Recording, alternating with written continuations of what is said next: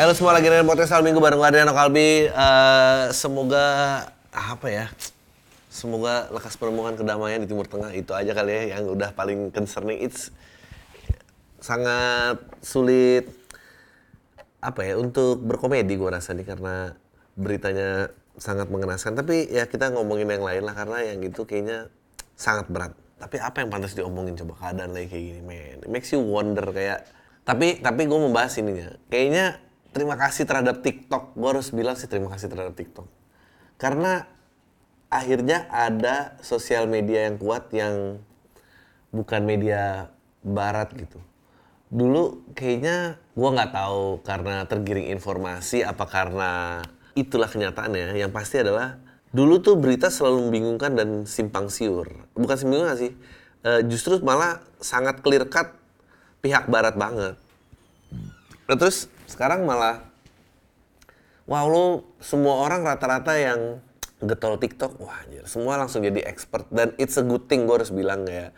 Sekarang tahu pada ngerti sejarahnya, kapan negara itu dibentuk, kapan di, eh, ada eh, ajuan terhadap eh, two state country, terus dan yang lain dan yang lain gitu dan memang eh, buat gue sih ini sekali lagi membuktikan ya bahwa bahwa freedom of speech tuh memang kunci sih. Ya bukan nggak freedom freedom amat sih. Buktinya yang media barat di setir semua.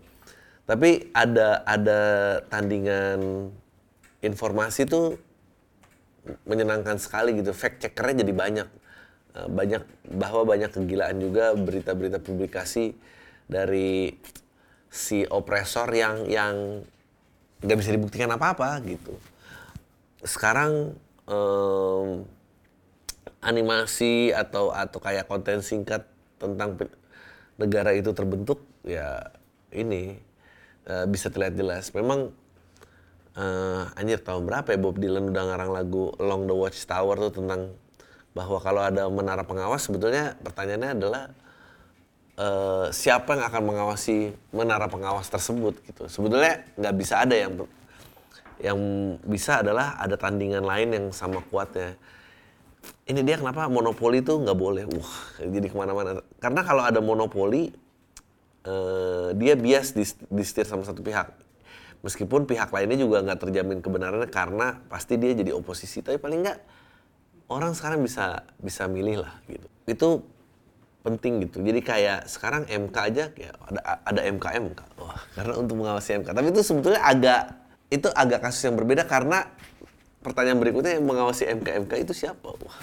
Jadi eh, berkelanjutan terus itu tuh mestinya harus punya nggak tahu ya mungkin demokrasi yang baik mungkin ya suara rakyat tapi kayak apa ya mungkin eh, kayak kayak polling IG tapi yang bisa diakses sama semua orang gitu ada yang bagus banget beritanya dia bilang ketua MK-nya mau dipecat kan gitu dan sekarang sudah dibuktikan sama si MK MK eh, ketua MK ini melanggar kode etik. Tapi ada yang bagus nulis di TikTok dia bilang eh, mecat dia itu sih sama aja kayak main bola yang ngegolin kena kartu merah tapi golnya tetap sah. Ya udah. Ya udah gimana mau gimana? Ya si fact checker ini memang memang emang solusinya akhirnya emang ya dibikin gaduh aja gitu dibikin gaduh. Meskipun kegaduhan itu juga ya negara tutup kuping lah buktinya di demo berapa kali nggak akan mempan tapi ada surat dari mahasiswa UNS bisa mengubah undang-undang gokil. Itu sadis. Tapi mungkin juga tempat itu kali yang mesti kita bombardir kali ya gitu. Daripada kita demo di lapangan kan susah mendingan itu aja. So ya itu yang serius-serius lah. Kita beritanya yang lebih ngasal lagi aja daripada ini. Tapi yang mengerikan ini, gue gue percaya ini gue pengen bahas ini. Menurut gue social justice warrior tuh harus ada, tapi orang harus mengerti social justice tuh boleh berdiri gimana. Gue nggak pernah sepakat sama social justice, tapi itu ada ada tapinya. Social justice tuh nggak boleh digunain sipil lawan sipil. Itu itu nggak boleh. Social justice tuh buat society lawan negara. Kalau negara udah jadi gila, ya lo harus jadi social justice warrior. Kalau ada korporasi yang gila, rakyat harus ngelawan. Nah negara itu mesti selalu berdiri di tengah-tengah. Kalau sipil lawan sipil itu yang repot. Itu yang itu yang repot dengan penghakiman bahwa misalnya eh, kasus pelecehan seksual atau bullying atau apa uh, itu uh, rakyat sama rakyat itu repot. Karena pasti dia dibakar masa. Tapi kalau hak hak membawa senjata api di Amerika itu selalu ada sebetulnya itu argumen positifnya adalah zaman dulu dia bilang ya pokoknya kan yang pinter masih sedikit. Dia bilang ini kalau negara yang lewa, uh, uh, gila rakyatnya boleh ngelawan. Ngelawannya pakai apa? Pakai pistol. Jadi makanya uh, sipil boleh bawa pistol. In case kalau negara gila ya sipil berhak mengambil negaranya kembali. Itu awalnya itu tapi sekarang jadi kelewatan jadi seolah-olah sipil pengen bawa pistol. Bukan itu selalu untuk untuk sipil lawan lawan negara. Karena kalau enggak nggak ada fact checkernya, nggak ada yang nggak ada yang ngawasin di belakang itu. Gini, kalau misalnya tadi MK dibikin MK MK itu mah negara ngawasin negara nggak nggak bisa itu. Kayak misalnya kan banyak yang protes pemerintah, oh yang ngawasin pemerintah dari korupsi siapa? KPK. Terus siapa yang ngawasin KPK? Nah itu mesti harus di dari rakyat itu mesti KPK tuh bikin kayak pengumuman masjid aja tiap minggu gitu telah ditangkap seseorang bernama A dengan jumlah korupsi yang dikembalikan pada ini ini ini. Tiap hari kayak gitu. Baru baru enak. Nah kalau enggak susah. Pasti kalau dia tertutup dia akan banyak jadi mainan orang. Kalau sekarang kayak gini MK MK itu pasti yang bentuk oposisi. Yang nggak terima ada anak orang dicalonin. Ya tapi ntar kayak gitu. Nah ini yang susah kalau kenapa waktu itu wah Indonesia nggak akan bisa nggak bisa bebas dari korupsi. Kemarin uh, Pak Mahfud aja mengusung um, apa namanya pem, uh, pengambilan aset dan pembatasan uang kartal. Gini, ini problemnya. Kalau itu di granted, yang punya kuasa pengambilan aset tuh siapa yang mau ngecek di belakangnya dia? Lo declare nih, gue punya mobil dua, misalnya uh, Ayla sama Kayla, Ayla sama Kayla. Besok lo bawa Avanza, lo tuh bisa di rampas di bawah loh. Dan itu pasti akan jadi rebutan partai-partai untuk berkuasa di situ untuk melemahin oposisinya. Itu nggak bisa. Mestinya itu juga partai itu dia tuh representasi rakyat. Tapi kan siapa yang tertarik masuk partai di zaman modern ini? Udah nggak ada, cuma sisa-sisa masyarakat yang karirnya udah sekarang nggak ada lagi jadi nggak kompetensi nggak apa yang modal kumpul aja ini kayak um, sebetulnya emang kayaknya negara ini dikuasai oleh paguyuban-paguyuban yang ya kita nggak paham gitu kenapa mereka menguasai itu gitu. Intinya sih mestinya gue percaya ya benar power of the people um, dan dia harus bisa dikasih akses untuk jadi fact checker. Nggak ada gunanya mentar MK MK diawasi MK diawasi oleh MK MK, habis itu diawasi oleh MK MK MK MK. Udah tambah banyak aja terus si anjing that's not the point gitu. Makanya transparansi itu pentingnya nggak tahu lah emang udah putus asa emang kita udah di ujung akhir zaman udah bertobat lah aja. Semua itu solusi yang udah paling gampang.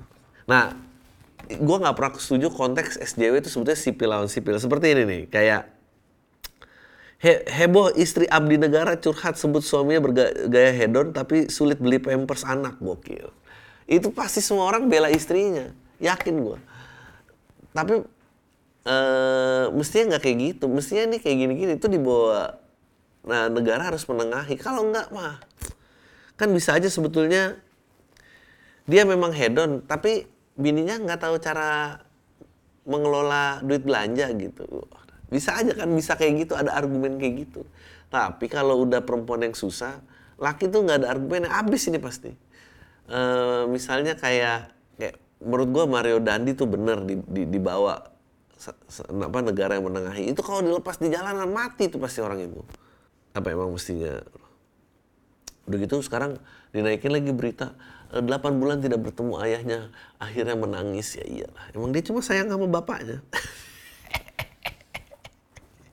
Karena dia tahu orang luar tuh nggak ada gini aja aku tuh bingung sama orang-orang kayak gitu tuh bisa kan dia nggak terima pacarnya di pacaran pacar orang kan kayak mantannya gitu lah itu yang perempuan juga harus ditanya lu dulu mau sama dia kenapa? Main itu mah dari 100 meter juga udah kelihatan tuh aura nyebelinnya. Tahu sih? Aura anak orang sok penting gitu. Itu emang apa ya istilahnya? Ada ada aura terutama orang-orang kaya sih menurut gue yang bapak. Nih, orang-orang kaya yang terlalu disupport bapaknya itu sebetulnya kombinasi yang sangat menyebalkan. Kalau kaya doang orang tua cuek ya masih beti-beti lah. Lo tau kan yang anak komplek tapi mainnya sama anak kampung gitu. Karena nggak diawasin orang tuanya. Tapi ada tuh orang-orang anak-anak orang kaya yang orang tuanya suportif, yang orang tuanya kayak jangan main sama anak kampung, kamu kan bukan orang kampung. Nah itu adalah bibit-bibit bully pasti yang ditanam sejak dini yang orang tuanya nggak sadar. Next, berita berikutnya. Ini pengemudi Fortuner berplat dinas palsu di Jakut berujung ditetapkan tersangka. Gue tuh suka salut gue sama penipuan-penipuan kayak gini karena banyak, apalagi yang kayak tahu sih berseragam uh, apa gitu misalnya tentara atau apa gitu uh, melamar orang terus ketahuan seragamnya palsu.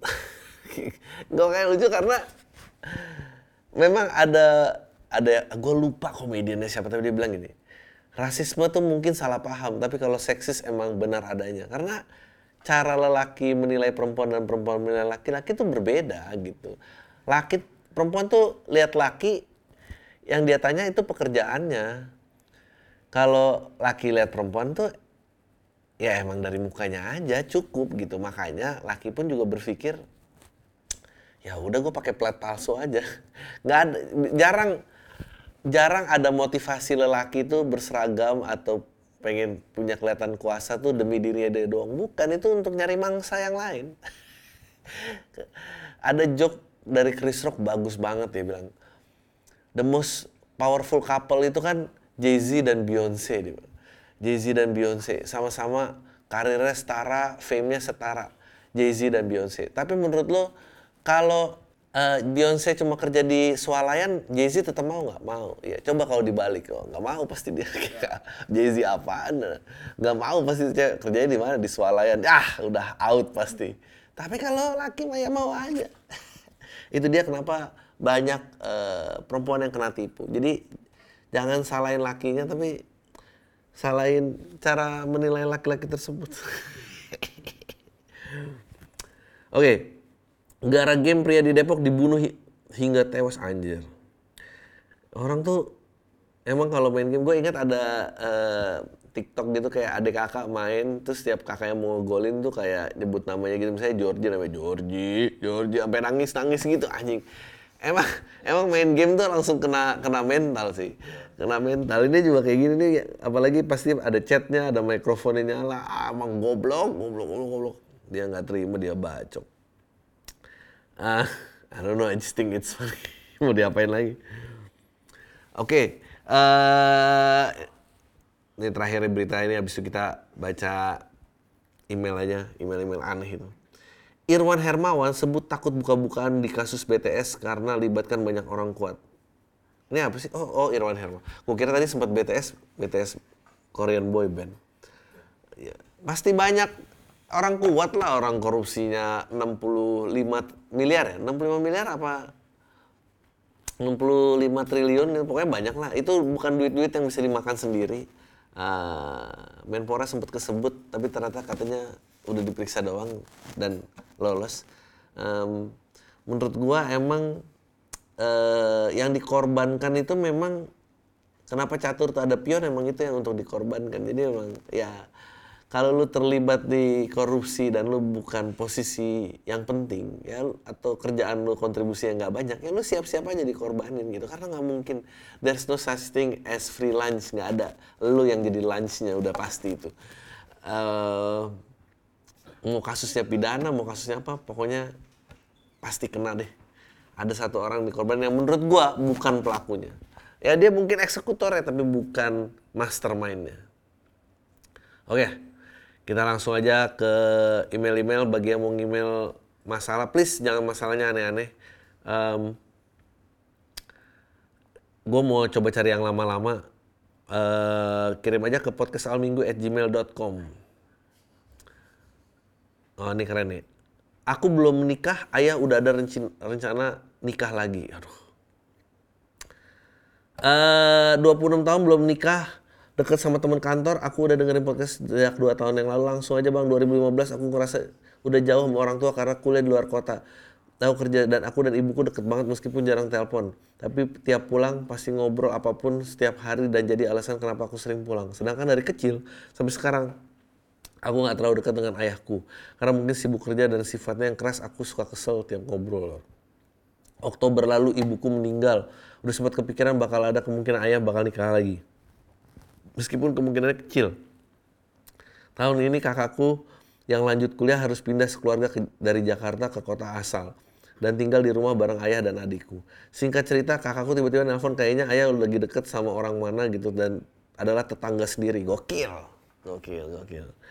Gokil. Rasanya ancur campur aduk padahal ibuku meninggal belum setahun dan udah deket sama orang. Masalahnya ayahku nggak pernah ngobrol apa-apa sama anaknya kalau ada apa-apa. Ya nggak mungkin dong. Nggak mungkin bapak juga kayak nak coba duduk dulu. Di bapak ada naksir. Kamu tahu blok F16? Ibunya yang suka pakai daster aja kalau lagi belanja. Um, kayaknya waktu itu kirim senyum-senyum manis dan kayaknya kalau menurut kalian ayah nikah lagi gimana? Aduh. Menurut gua emang ada dua sisi ya satu sisi ya lu sedih gitu tapi satu sisi ya kalau emang bapak lo masih pengen lagi ya gimana dong apalagi kalau ibu lo meninggal kan nggak ada lagi yang apa yang ditunggu ya gitu. Maksudnya ya apa gitu. Um, gimana ya bang cara aku ngebuka pembicaraan ini? Ya ampun aku nggak apa-apa kalau yang mau nikah tapi lebih baik lagi aku belum. Aduh. Ya membuka ini emang harus anaknya ayah. Itu ibu-ibu yang tadi ayah naksir coba dong dibawa ke rumah gitu. Anjing tapi mau awkward sini ini. Tuh sebetulnya uh, slice of life yang um, apa nggak uh, pernah dibicarakan di di konten-konten populer gitu menghadapi orang tua nikah gitu gimana gitu dan nggak ada sitkomnya, nggak ada lagunya, nggak ada pop culture-nya. Kalau orang diputusin, diselingkuin tuh banyak, tapi kalau orang tua nikah lagi, aduh, itu dia yang berat. Menanggapi email hopeless, Wah, apa nih? Gue barusan oh, apa nih?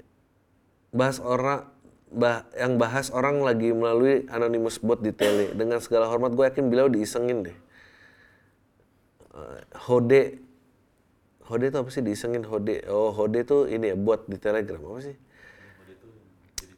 Anjing jamar jadi cewek, bikin aku padahal cowok gitu ya. Gue tuh salut sama orang-orang yang bisa nipu. Gue tuh selalu gue selalu salut mau nipu pakai seragam, mau pura-pura cewek di chat, mau pura kayak itu pasti ada ada kesenangan ter, tersendiri gitu melihat orang-orang bucin gitu dan di belakang ih mau aja lu.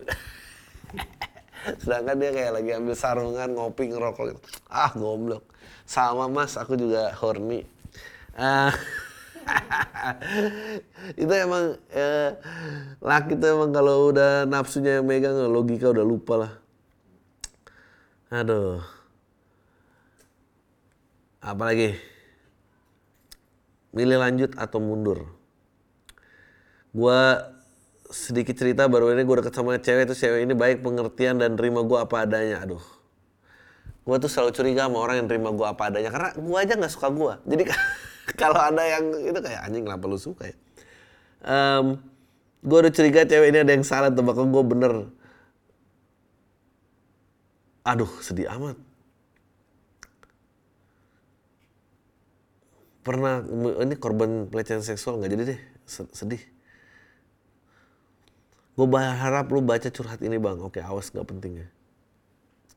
Gue lagi masa overthinking usia gue 26-27 tinggal sama orang tua kerja juga gitu-gitu aja di bawah UMR malah pacar nggak ada. Sementara teman-teman gue udah pada menikah hidup pisah dengan orang tua kerjaan mereka juga stabil dan mampu biaya ortu mereka. Gue overthinking apakah gue akan hidup begini-begini aja sampai tua? Ya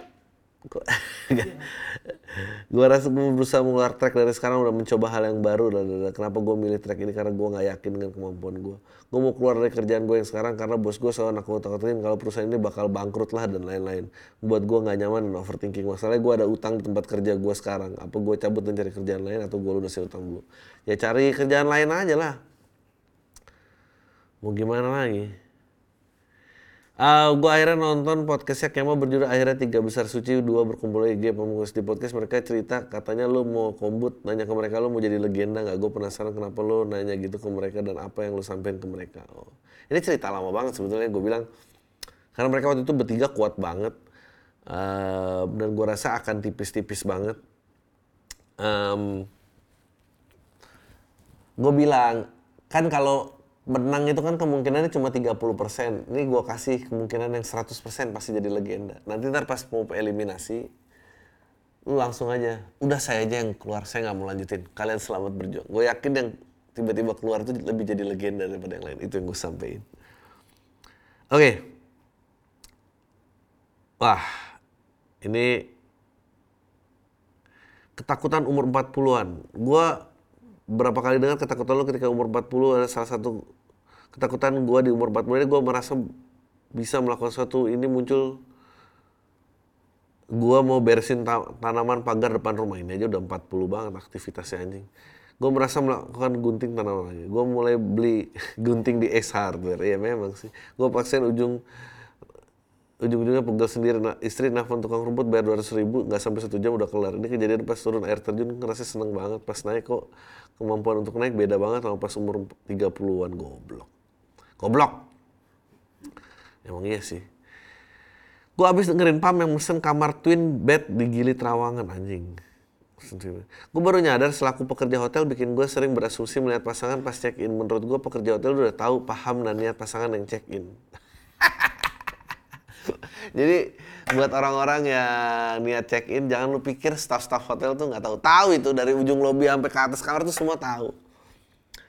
Uh, jadi tamu yang check in itu nggak perlu ngejelasin kenapa mereka mau nginap kita juga nggak nanya. Dan terlepas apakah mereka pasangan sejenis atau beda kelamin. Waduh, ada beberapa alasan yang pernah disampaikan oleh tamu padahal gua nggak nanyain.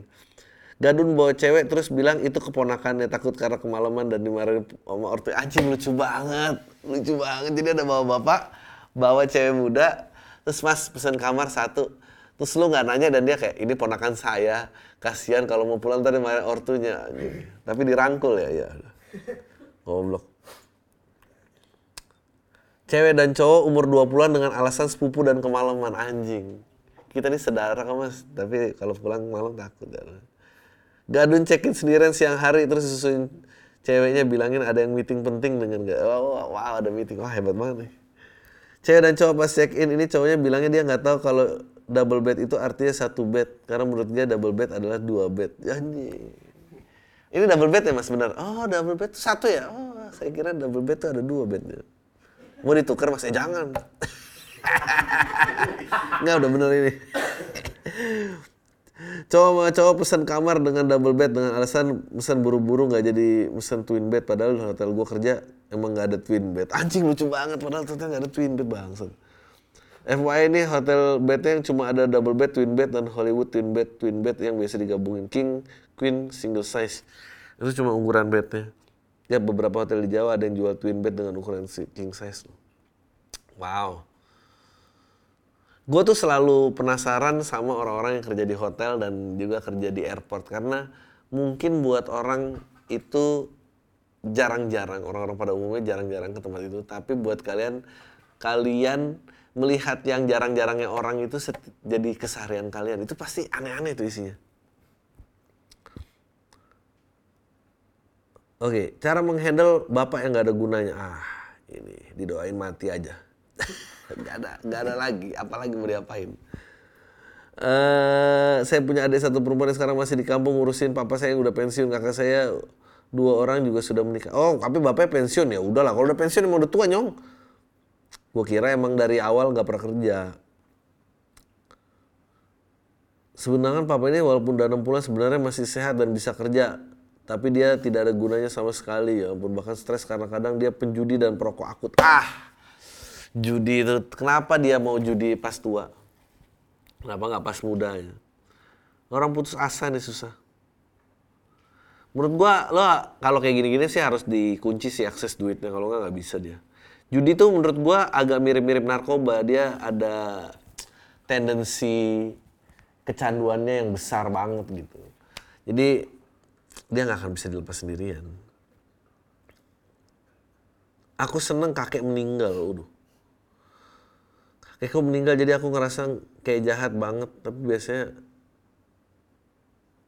aku malah apa sih soal jadi soalnya bisa bisanya aku malah happy. Oke okay. uh, malah dia jadi happy. Jadi kakekku itu orangnya temperamen suka ngamuk dan KDRT gitu ke nenekku. Ya ampun dari aku kecil sampai puncak pas aku TK kakak kakekku itu pernah ngelakuin pelecehan gitu ke kakak angkat cewekku. Aduh udah biarin mati aja. Yang mau udah biarin ini meninggal nih boleh nggak sih bang happy kayak gini? Boleh. Lu ludahin juga boleh kuburannya udah udah begini gimana bro bokap tiri gue bajingan. Wih kok banyak banget sih nih di bawah-bawah email-email penting. Gue 29 udah berkeluarga been listening to to your podcast since forever. Ya, dari dulu pengen banget email ke bang Adri misu-misu tentang keluarga gue nyokap gue cerai sama bokap kandung gue waktu gue masih lima tahun. Tapi beneran pisah rumah waktu gue tujuh tahun. Long story short nyokap dan bokap gue both nikah lagi. Gue awalnya sering bolak-balik between the, mereka berdua. Akhirnya decide untuk tinggal sama nyokap since ibu tiri adalah brengsek banget tapi ternyata bokap tiri gue juga nggak baik-baik amat. Gue ingat waktu masih 6 SD gue tidur di kamar bonyok beda kasur gue kebangun tengah malam karena I feel someone is touching. Aduh. Hah. Di depan mata bokap tiri gue dia alasannya itu mau benerin posisi tidur gue karena gue mau jatuh ya ampun. Gue tidur lagi karena di tengah-tengah jam tidur gue nggak tahu itu bener. Ih. the next day I told my mom.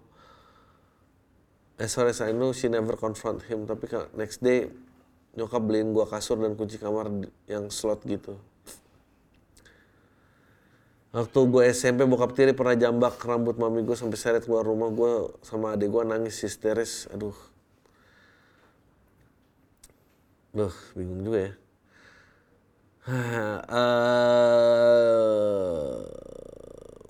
since bokap sering hajar bok nyokap, aduh. Mani bukan mani bukan isu buat keluarga kita bayar oh, bokap gue selingkuh bang berkali-kali anggen dan dia selingkuh dia yang galak sama nyokap ya ampun. Kayak cerita cerita istri yang diselingkuh biasanya nyokap gue selalu maafin maafin terus habis. Uh, uh, udah selingkuh bokap gue nyabu ya ampun. Gokil. Mau jadi apa nih? Nyokap gue cerita sama mbak pulang pergi dari Bojong Jakarta. Si mbak kalau tiap kali mbak mau bersihin spray, spraynya udah kering gitu, kak. Aduh. Uh,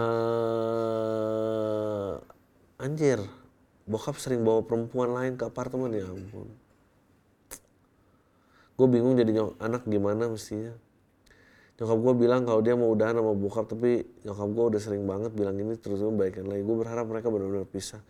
Menurut gue, nggak sih ini pencegahan aja. Uh, karena lu udah berkeluarga menurut lo lari aja nyokap lu. Hidup aja sama lo. Udah percuma. Opresor tuh nggak ada gunanya diajak bicara logika. Ya udah. Oke, itu aja kali ya podcast kali ini. Lu semua deh.